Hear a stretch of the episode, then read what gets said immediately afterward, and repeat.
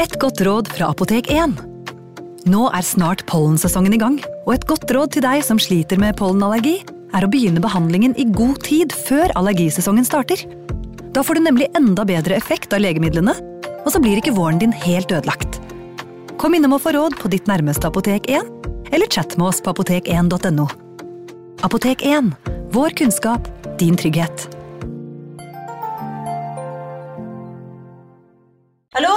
Jeg kommer fra Oslo politikammer. Ine Jansen er purk. Er du purk? The motherfucking bitch. Alt jeg vil, er å finne ut hva som skjedde med mannen min. Jon Carew. Er jeg sikta for noe? Iben Akeli. Det er du. Ole So, Lars Berrum og Big Daddy Karsten. Hvem sin side er du på, egentlig? Anette Hoff, Tone Danielsen, Kommer du fra Afrika? Jørnis Josef, Nesten kløfta. Trond Espen Seim, Det er synd å si det, men det var feil mann som døde. Purk. Premiere tirsdag på TV2 Play.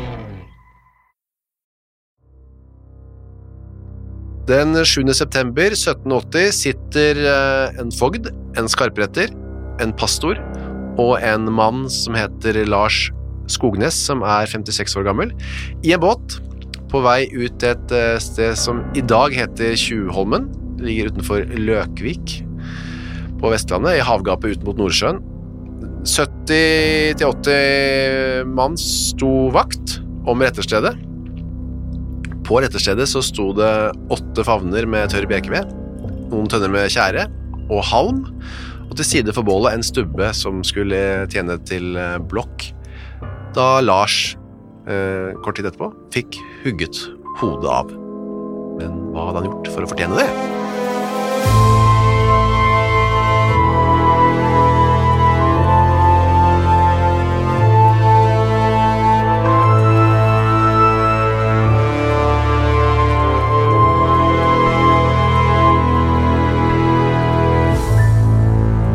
Lars hadde gjort uh, saker og ting, han Torgrim.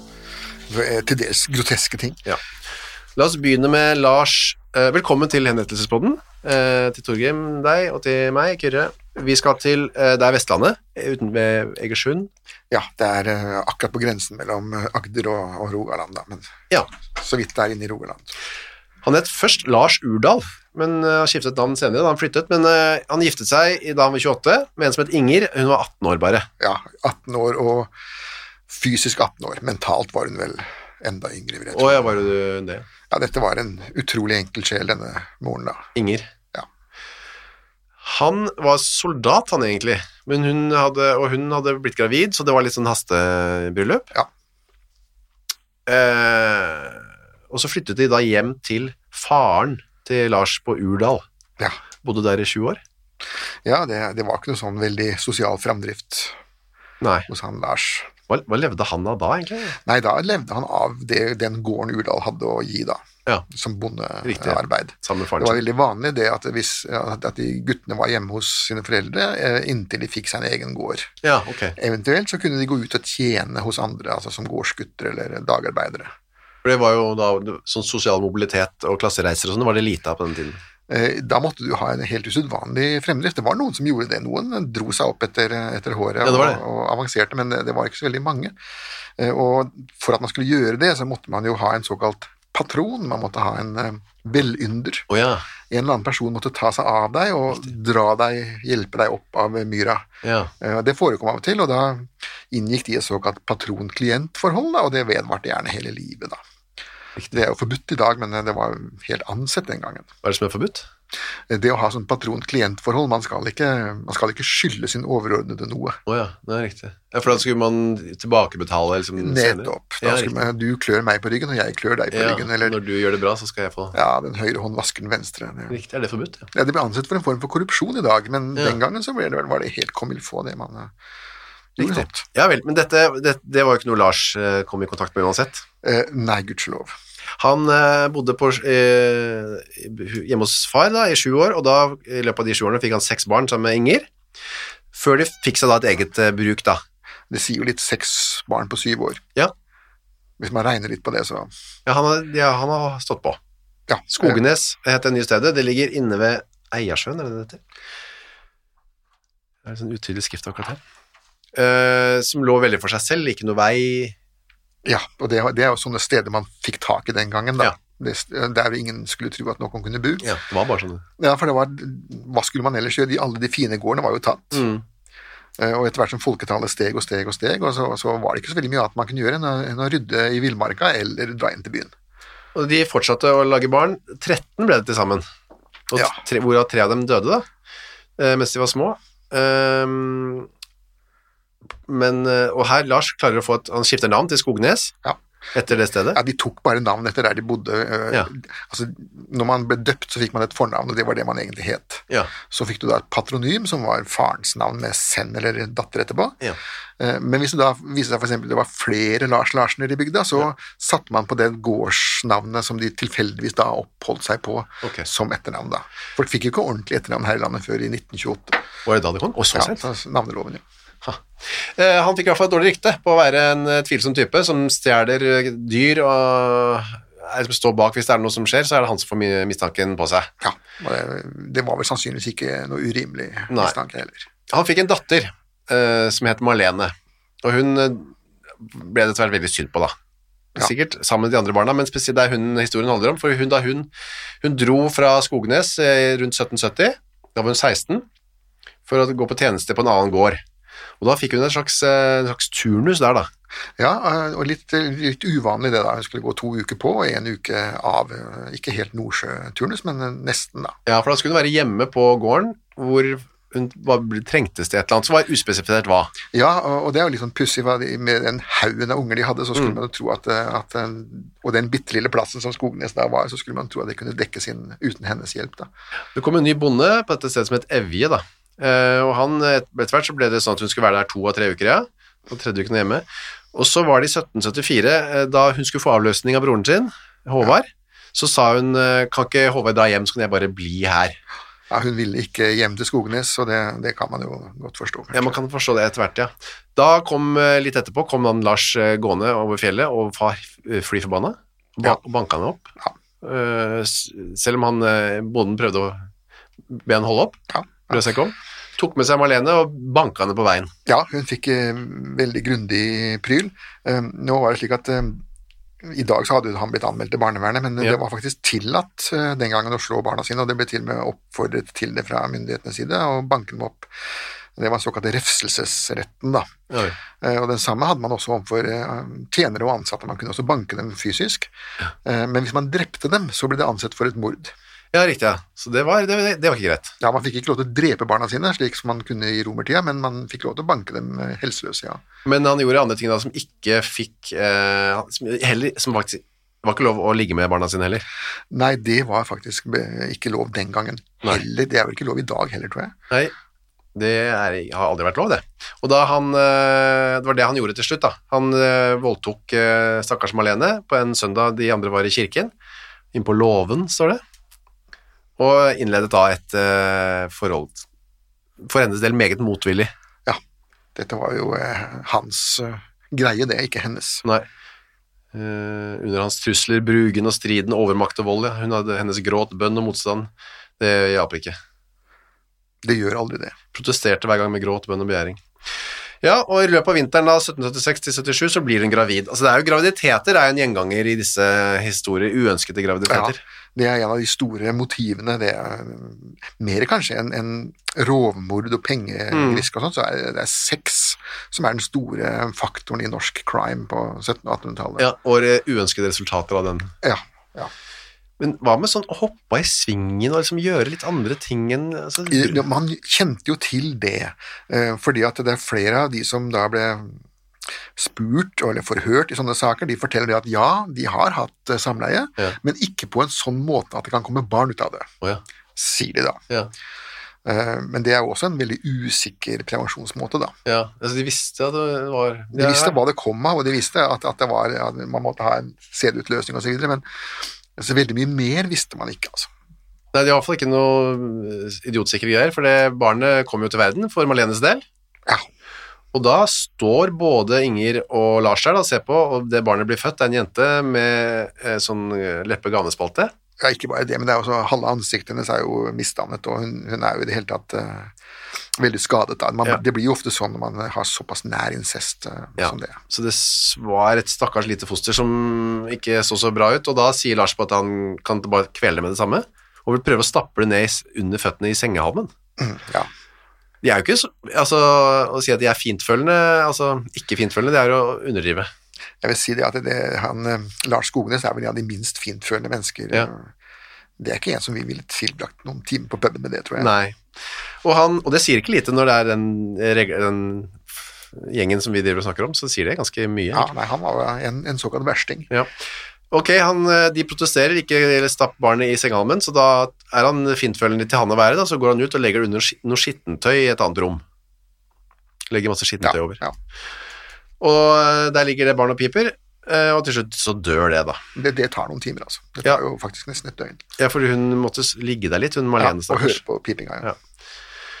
Uff. Neste dag så henter Lars det lille døde barnet og legger det på gjødselshaugen. ja. Det var også en symbolsk handling, da. Han anser andre menneskers døde legemer som søppel. Men han eh, angret seg litt, og så gikk han og gravde det ned søndag morgen med bare nevene, står det her, i på kirkegården. Eh, Ja, og hvorfor han fant på det med kirkegården, det er ikke lett å si, men eh, det at han fikk det vekk fra gjødselhaugen, var jo i tilfelle det skulle komme folk, da. Ja.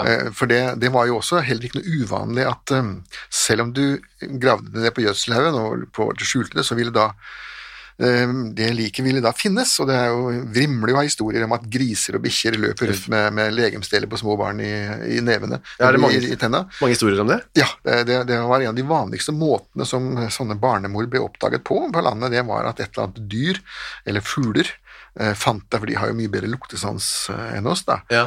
Og det er klart når man ser grisen løper av gårde på bondegården med en, en babyarm i, i kjeften, så legger man jo to og to sammen da. Ja, men altså, unnskyld meg, men var de stokk dumme?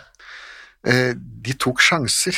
Ja, De tenkte ikke på konsekvenser på en eller annen måte? Nei, de, de gjorde ikke det. Det var en, en dame, hun fòret jo bevisst eh, barnet sitt til grisen, eh, og passet på at de spiste opp alt. Ja, Eh, så, men hun ble jo tatt likevel, da. hun gjorde det. Ja, hun, var litt, hun skjønte at dette må jeg være litt forsiktig med. Ja, man må bli kvitt eh, liket. Ja, det, det var et vesentlig poeng. De hadde ikke sett så mye krim, og visste sikkert ikke hvordan eh, politi eller hva det var, lensmann jobber, eller jeg vet ikke hva de tenkte. Nei, det hadde de nok ikke, men på den annen side, de hadde jo tradisjoner. Altså, rundt 1700-1800-tallet så, så hadde jo alle hørt om en som var blitt henrettet for et eller annet. Ja, det hadde de. Og mange av dem hadde jo også sett det, det var jo derfor disse var så offentlige da. Ja. Um, Men så tenkte de som så at det skjer vel ikke meg, da. det Mm. er akkurat som når du kjører i 120 på E6-en, det, det er jo Som regel. så. Radaren er sikkert ikke der i dag. Man kan jo tenke seg da hvor mange som gjorde sånne ting og slapp unna med det. Ja, det var vel en som skrev at det var de dummeste som ble tatt. Ja, ja for det kan stemme. Og, Noen virker og sånn. de som virkelig visste hva de gjorde, det er, de, er, de er jo ikke i historien i det hele tatt. Nei. Ok, så, så det barnet ble gravd ned, eh, og så drar han eh, og så Marlene kommer seg inn og drar til en annen gård som heter Barstad, for å være der. Men da savner hen- Lars henne på en eller annen måte, og går og sier at hun må komme tilbake. Ja, det var jo hennes, eh, hans elskerinne, da, som Og han banker henne opp, da, igjen eh, sånn at hun blir liggende flere dager. Eh, og så blir hun gravid igjen, gitt. Ja, det følger jo med. Da fikk han, Nå skulle han være litt smartere da enn sist, så nå fikk han nei, kona si, Inger. Hun, hvor, Inger hun vet jo da at han holder på sånn. Ja. Og det, det gjorde um, nesten alle disse kvinnene som, Ja. hvor det var incestsaker, og de godtok det, da.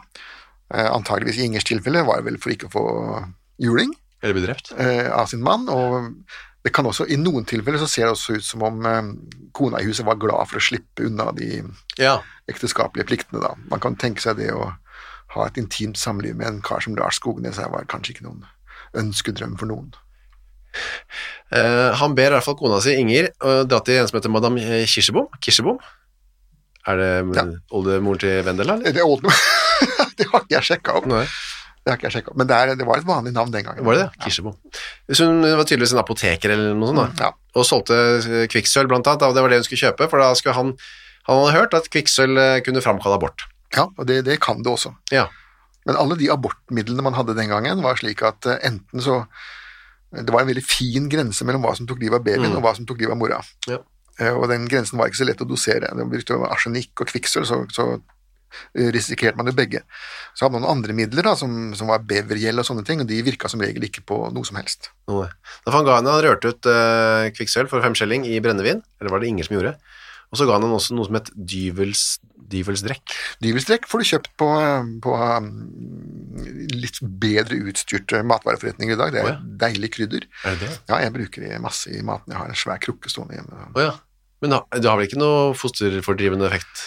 Um, ikke den mengden jeg har i, i dalen, nei, det, det er det ikke. Men, Men det kan ha det hvis du da har mye av det? ja, det blir brukt som rottegift oh, ja, også den tiden der, ja, dyvelstrekk. Men hvorfor, hvorfor bruker du det? Er- Lukter det Det, forferdelig? det er en nydelig, nydelig krydder. Altså, det, hvis du har prøvd bukkhornpulver, det ligner litt på det når det gjelder smaken. Hva er det du bruker det? Jeg bruker det hvis jeg lager dal, altså sånn indisk, Indisk, ja, ja. eh, linsesuppe, Yeah. linsegrøt. Da, hvis jeg har oppi en knivsodd med, med dyvelstrekk, så setter det en spiss på det hele. Så du da tenker, ja, sånn smakte det sikkert da Lars Skognes ga Ja, eh, nå har jeg aldri jeg smakt kvikksølv. Um, Gudskjelov, jeg har ikke tenkt å prøve det heller. Men uh, dyvelstrekken vil jo ha gitt en liten spiss på det kvikksølvet også, vil jeg tro, ja. Kanskje det smakte litt sånn dalaktig, da. Det hjalp ikke, i hvert fall. Hun var, øh, var forble gravid, og han fortsatte å ligge med henne. Ja, inntil han ikke klarte mer. Ja. Og da fødte hun ikke det barnet ennå, nei, for da flytter hun til et annet sted. Ja, hun kom Ukas annonsør er Cura of Sweden. Visste du at verdens søvndag feires den 15. mars? Nei. Det er en dag som er til for å skape oppmerksomhet rundt dette med søvn. Da.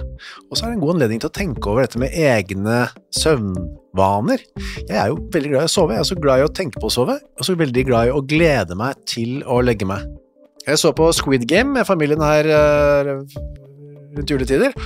Der legger jo deltakerne seg eh, hver kveld da, i sengene sine, og da, det kunne jeg nesten synes var høydepunktet av Squid Game, var når deltakerne la seg. Jeg synes det så så deilig ut å legge seg. Nå hadde ikke de Cura of Sweden vektdyner, da, riktig nok, eh, som hadde gjort det enda bedre. Det er en ny studie nå fra Uppsala universitet som viser at vektdyne, bruken av det, øker melatoninnivået hos friske unge voksne eh, når de legger seg. Da. Og melatonin det utskilles for å fortelle kroppen at det er på tide å sove, og så kan det bidra til å øke trøttheten. Da. Med andre ord, har du en vektdyne fra Cura of Sweden, så får du mer melatonin og enda bedre søvn. Da. I tillegg til vektdyner og tepper, så har Cura også andre produkter som skal gjøre søvnkvaliteten vår bedre, blant annet AirTemp-madrassen de har, som hjelper til med å regulere kroppstemperaturen. Altså, det er så mye å boltre seg i for oss som er glad i å sove. Og fram til 15. mars så feirer Cura verdens søvndag med opptil 60% rabatt på curaofsweden.no, og bruker du koden vår HENRETT med to t-er, får du i tillegg 25% avslag på både originale og nedsatte priser. Sov godt! Ukas annonsør er Next Story. På Next Story så finner du hundretusenvis av eh, e-bøker og lydbøker. Du finner folk som jeg har eh, intervjuet og snakket med, og liker bøkene til. Agnes Ravatn, hennes siste bok, Gjesten er der. Nina Lykke, sin siste bok. Vi er ikke her for å ha det morsomt, er der. Og så er det jo det er krim, biografier, essays, eh, romantikk, sannhistorier, barnebøker, faktabøker, spenningsbøker, science fiction Alt mulig du kan tenke deg. Og også bok av uh, Torgrim Sørnes. De henrettede igjen, Ondskap, eksempel. Det er da uh, Torgrims gjennomgang av en del av sakene fra 1800-tallet, som endte da med halshugging, da, som de gjerne gjorde. Uh, for eksempel Kristoffer Svartbekken, og denne snikmorderen fra um, Elverumsdraktene, som pryder også coveret, ser jeg, skummel type. Eller da, som sagt, forferdelig mye annet. Gå inn på nextstory.no skråstrek henrettelse registrer deg der, så får du seks uker gratis tilgang til nesten uendelig mange bøker. God fornøyelse! til slutt unna eh, sexslaveriet. Da. Det var vel egentlig Lars Skognes også som flytta for han skulle forsøke å slå seg gjennom som handelsmann. Ja, for de klarte ikke å leve av det? Nei, det er, de klarte ikke det. Det var så 11, eller ti eller 11 barn som lever, og så et bitte lite bruk ute i skauen. Det- Det var vanskelig, ja. Han skulle prøve å bli handelsmann og flytta inn til Egersund, og hun eh, havnet i tjeneste på Løkvik, Ja, som er helt ut mot, uh, ut mot havet. Ja. Det, og det stedet finnes jo sikkert fremdeles, det. Ja, alle, alle disse stedene er der, er der, men det er klart at eh, sånne steder som Skognes og det er vel naturen vil jeg tro har tatt tilbake. Ja, kanskje ligger det noen rester der, hvis man drar på seg. Det gjør det nok. Uansett var hun da gravid, og hun ville ikke innrømme at hun var det, og selv om de mistenkte, de skjønte jo på en måte at hun var gravid da. Ja, de, de gjorde nesten alltid det, og de, det var, de spurte jo om henne og om Mm. hver gang. Og, um, og til slutt så, så pleide man gjerne å få noen av de myndige damene til på gården da, til å ta en på puppene for å se om det kom melk ut av dem. da. Ja. Men det som skjedde først her var at hun fødte dette barnet søndag 8. august 1779, fødte Marlene sitt barn nummer to da, i, ute i Villmarka bare. Ja. Og det står her at uh, hun fødte det liksom på alle fire da. Og etter fødselen så tråkket hun bare på barnets hode og rev av navlesnoren med hendene. Ja. Ja, det er jo sterke saker. Ja, eh, og du kan spørre hvorfor hun rev av den navlesnoren. Det, er- det er jo rett og slett bare for å bli kvitt fosteret, Ja. slik at hun kan gå sin vei. Og det er jo også noen eksempler på folk som har gått, eh, gjort det der, og så har de gått med morkaken innabords i flere timer før, eh, før Ja. den så sauser ut midt under middagen og avslører det hele, da. Ja, for det er en, en såkalt sånn, en tell. Det er en, Ja, telltale story. Vel, vel. Ok, så hun eh, bare kravler seg tilbake igjen, og da ser jo naboen, som heter Ingeborg, at hun ikke er gravid lenger. Og som du sa, så tok hun den på puppene, og der kom det melk. Og da innrømmet Marlene alt. Ja, det er ikke så mange måter å bortforklare det på. Nei. Og da var det jo også, det med at hun hadde drept barnet var jo en ting, men også dette med, for det hadde jo skjønt, men at det var eh, faren hennes, var faren, var den store nyheten på en måte da. Bomben. Sjokket, ja. Og da ble lensmann og prest tilkalt, barnet ble funnet, undersøkt, Marlene arrestert, og Lars Skognes arrestert. Og Ja. også Inger. Ja. Alle tre. Og da ble jo de først, eh, i hvert fall, eh, forlangte fogden eh, dødsstraff på alle sammen. Ja, for Ingen var jo, var jo medskyldig, da. Hun visste jo hva som foregikk. Og om hun ikke var medskyldig i drapet på barnet, så var hun medskyldig i incesten, i og med at hun bare sto og glodde på. Og da, når det er incest med to myrdede barn i tillegg, og, så syns altså sorenskriveren, som heter Hercules Veldig bra navn for øvrig. Hercules Weyer, ja. Han, han, var, han var nummer to som het Hercules Weyer. Hans bestefar het samme da. Ja. Tydeligvis et navn med klang, det der. Er lite brukt i våre dager. Ja, gudskjelov. For det er, jo, det er jo fra gresk mytologi, denne her eh, Hercules. Han var Ja. en sånn kjempe med Det er jo han du ser bilde av med en diger klubbe og gjerne et leopardskinn Ja, riktig. seg. Han syntes at uh, halshugging var for mildt for Lars, som var hovedmannen her, da, og ville altså at han skulle knipes med gloende ten tenger. Ja. Hugges av hånden, eh, så hodet, og så brennes. Da så brennes død, da. Ja, og dette var jo på en måte en, en hjemmekomponert straff. Ja. Hercules han blanda her sammen to ting. Det ene var forordningen fra, fra 1697, hvor, eh, hvor man da skulle knipes med disse glødende ting osv., og, så videre, og så kom brenningen da fra, fra en annen paragraf. ja. Så han var kanskje litt vel konstruktiv. Han syntes det var dette måtte til, eh, så grusom som han hadde vært. Men da, og Lars, han protesterer, og han legger seg liksom flat, ikke flat, men han prøver liksom å komme seg litt unna, han Lars da. Ja, det er jo sånn man gjerne gjør da. Når, når bålet er bygd, så Ja. vil man ikke opp på det frivillig. Men øhm, senere ble Altså, han, han fikk øh, appellert, eller hva det kalles, Jo til lagtinget. Ja, det var automatisk anke ved, ved Var det det? dødsdommer. Ja, for da sa han første Hercules, sa sånn blir det. Ja, men eh, det kan, kunne de ikke si, fordi at eh, det var fra 1714 av, så var det re- regelen om det at alle dødsdommer skulle til, eh, til lagtinget appelleres, og fra 1735 av så var det også slik at alle dødsdommer fra lagtinget måtte innom kongen personlig på hans skrivebord for å bli Ja. godkjent eller ikke godkjent før det ble utført. Det. For det, man tok ikke lett, han tok ikke lett på dette med å henrette folk da. Eh, Nei, og fordi at det hadde vært en del litt tvilsomme saker fra gammelt av, hvor folk ble henrettet uten verken lik eller bevis eller noe som helst. og Det var den berømte Nille-saken fra Nord-Norge, hvor det var et spøkelse som var anklager, og de aldri fant verken, verken lik eller bevis, og hun ble likevel halshugget, og det var da kongen sa at nå må det, nå må det settes en grense, da. Hva var det spøkelset var? Nei, det var en sånn poltergeist som hadde spredd rykte om at eh, Nille hadde vært gravid og drept barnet sitt. Da. Oh, ja, det var det man det litt det var det man hadde på. Det var liksom hovedvitnet, var et spøkelse. ja. Ja, det var tynne greier da. Eh, Ja, men det samme har vel I Hamlet er det vel også noe. Ja, ja der er jo kongens spøkelse. Spøkelse som går igjen der, ja, Uansett så tar Knopp, han som var dommeren i eh, lagtinget, eh, roet ned den dommen litt og sa nei da, du skal bare, bare halshugges og brennes. Ja. Og samme med Maren, nei Marlene. Men Inger ble dømt til døden etter en annen paragraf. Så fremdeles er det alle tre som skal drepes. ja da. Så er det videre, da, eh, til Høyesterett. Og der eh, opprettholdes dommen over Lars og Malene. Inger får nedsatt til tukthus bare i et år. Og det må man jo også tro at for henne å komme på tukthus må jo ha vært en, en ren ferie i sammenligning med det hun hadde opplevd de siste ti årene, da. Ja. Tukthus, eh, det høres Altså, var det noe annet enn et fengsel? Var man liksom Ja, tukthuset, det var jo For det første var det stort sett bare damer, gamle menn og småunger der. Ja. Mennene de ble jo dømt til festningsarbeidet. Mm. Så tukthusene var en veldig kvinnelig affære. Ja. Eh, Og eh, der lærte man seg da et håndverk, og gjerne spinning. Derfor ble det også kalt spinnehus. Eller man kunne sy klær til soldatene, da, manufakturhuset. Man fikk mat, tak over huet, brensel. Ja, og slapp å bekymre seg for Ja, altså man slapp å bli voldtatt hver kveld, og slapp å bli banka opp hver eh, til frokost. Sånn at jeg tror Ingrid tror hun likte seg der. Ja, hun, eh, så var det, kom da dommen til kongen, og da han sa nei nå, Malene skal slippe, hun skal sitte på tukthuset til livstid. Mm. Uh, Inger uh, også, eller hun skal fremdeles, og men Lars han skal da, han skal halshugges og brennes. Mm. Men han må jo være, det var kanskje ikke noe, kom, kom ikke på tale at han skulle brennes levende.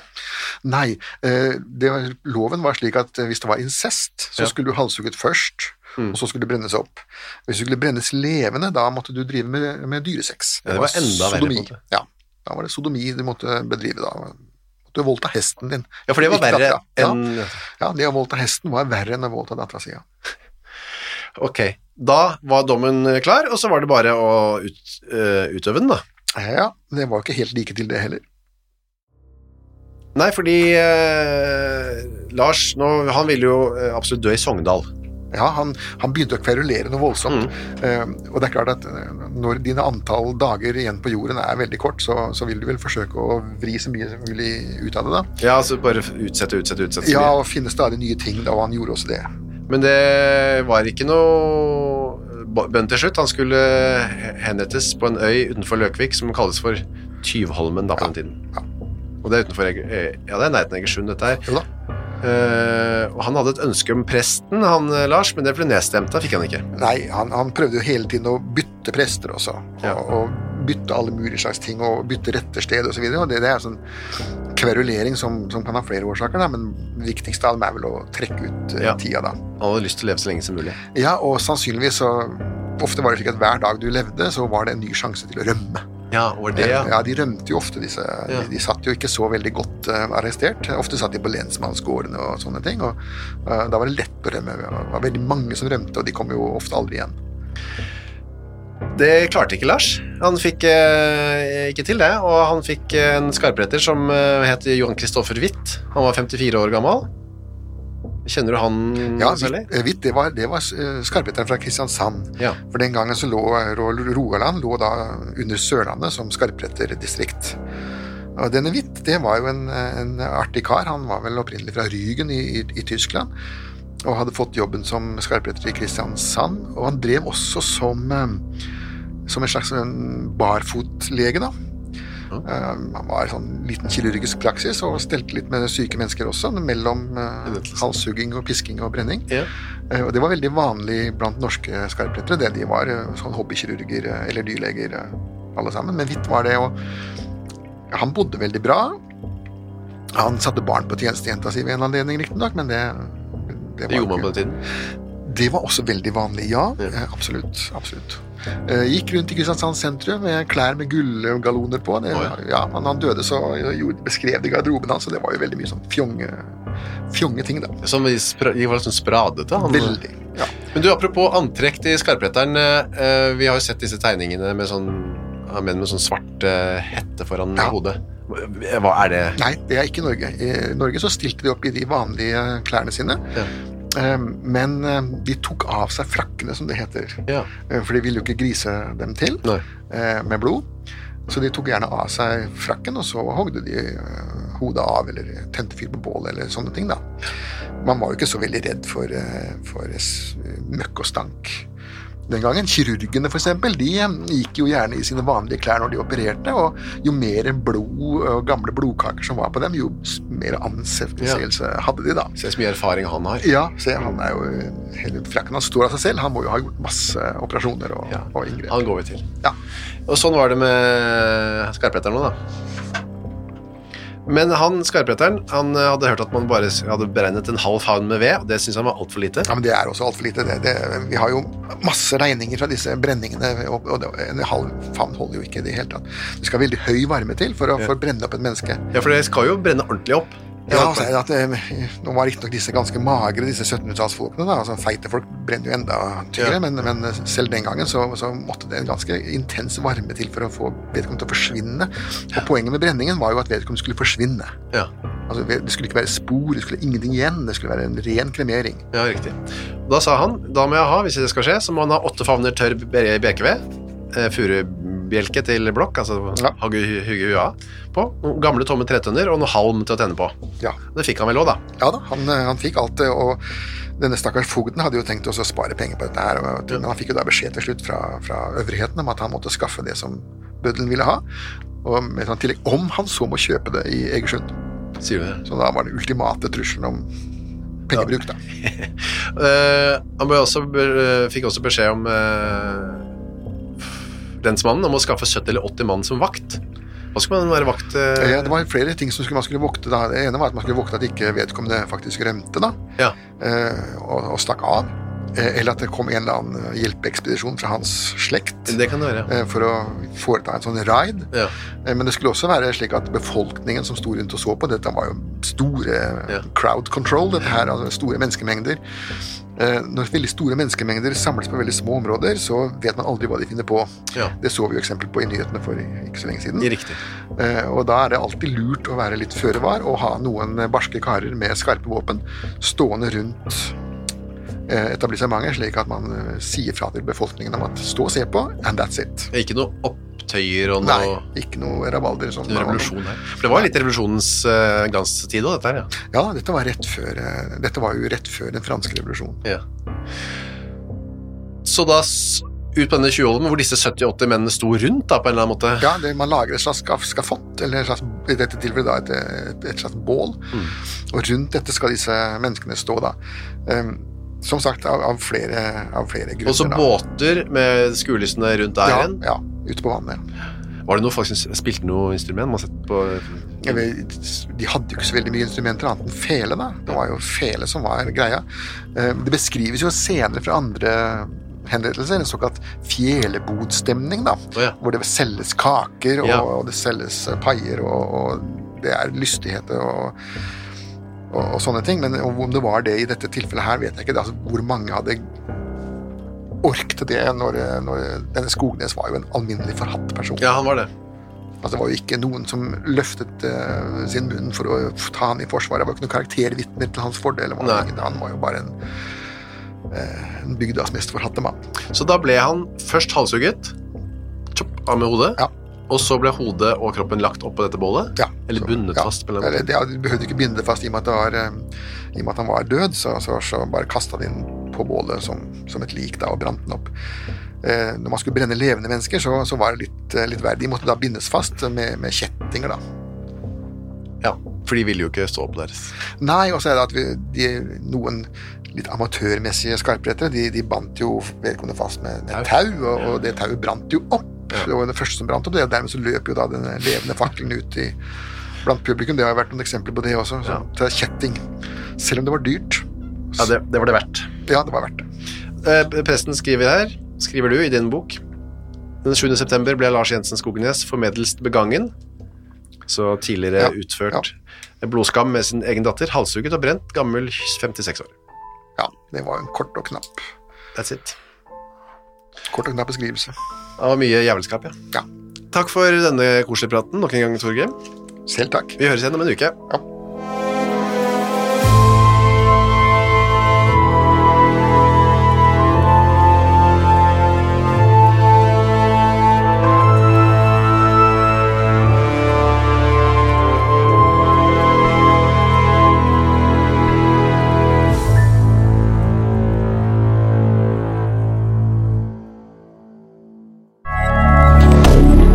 Moderne media.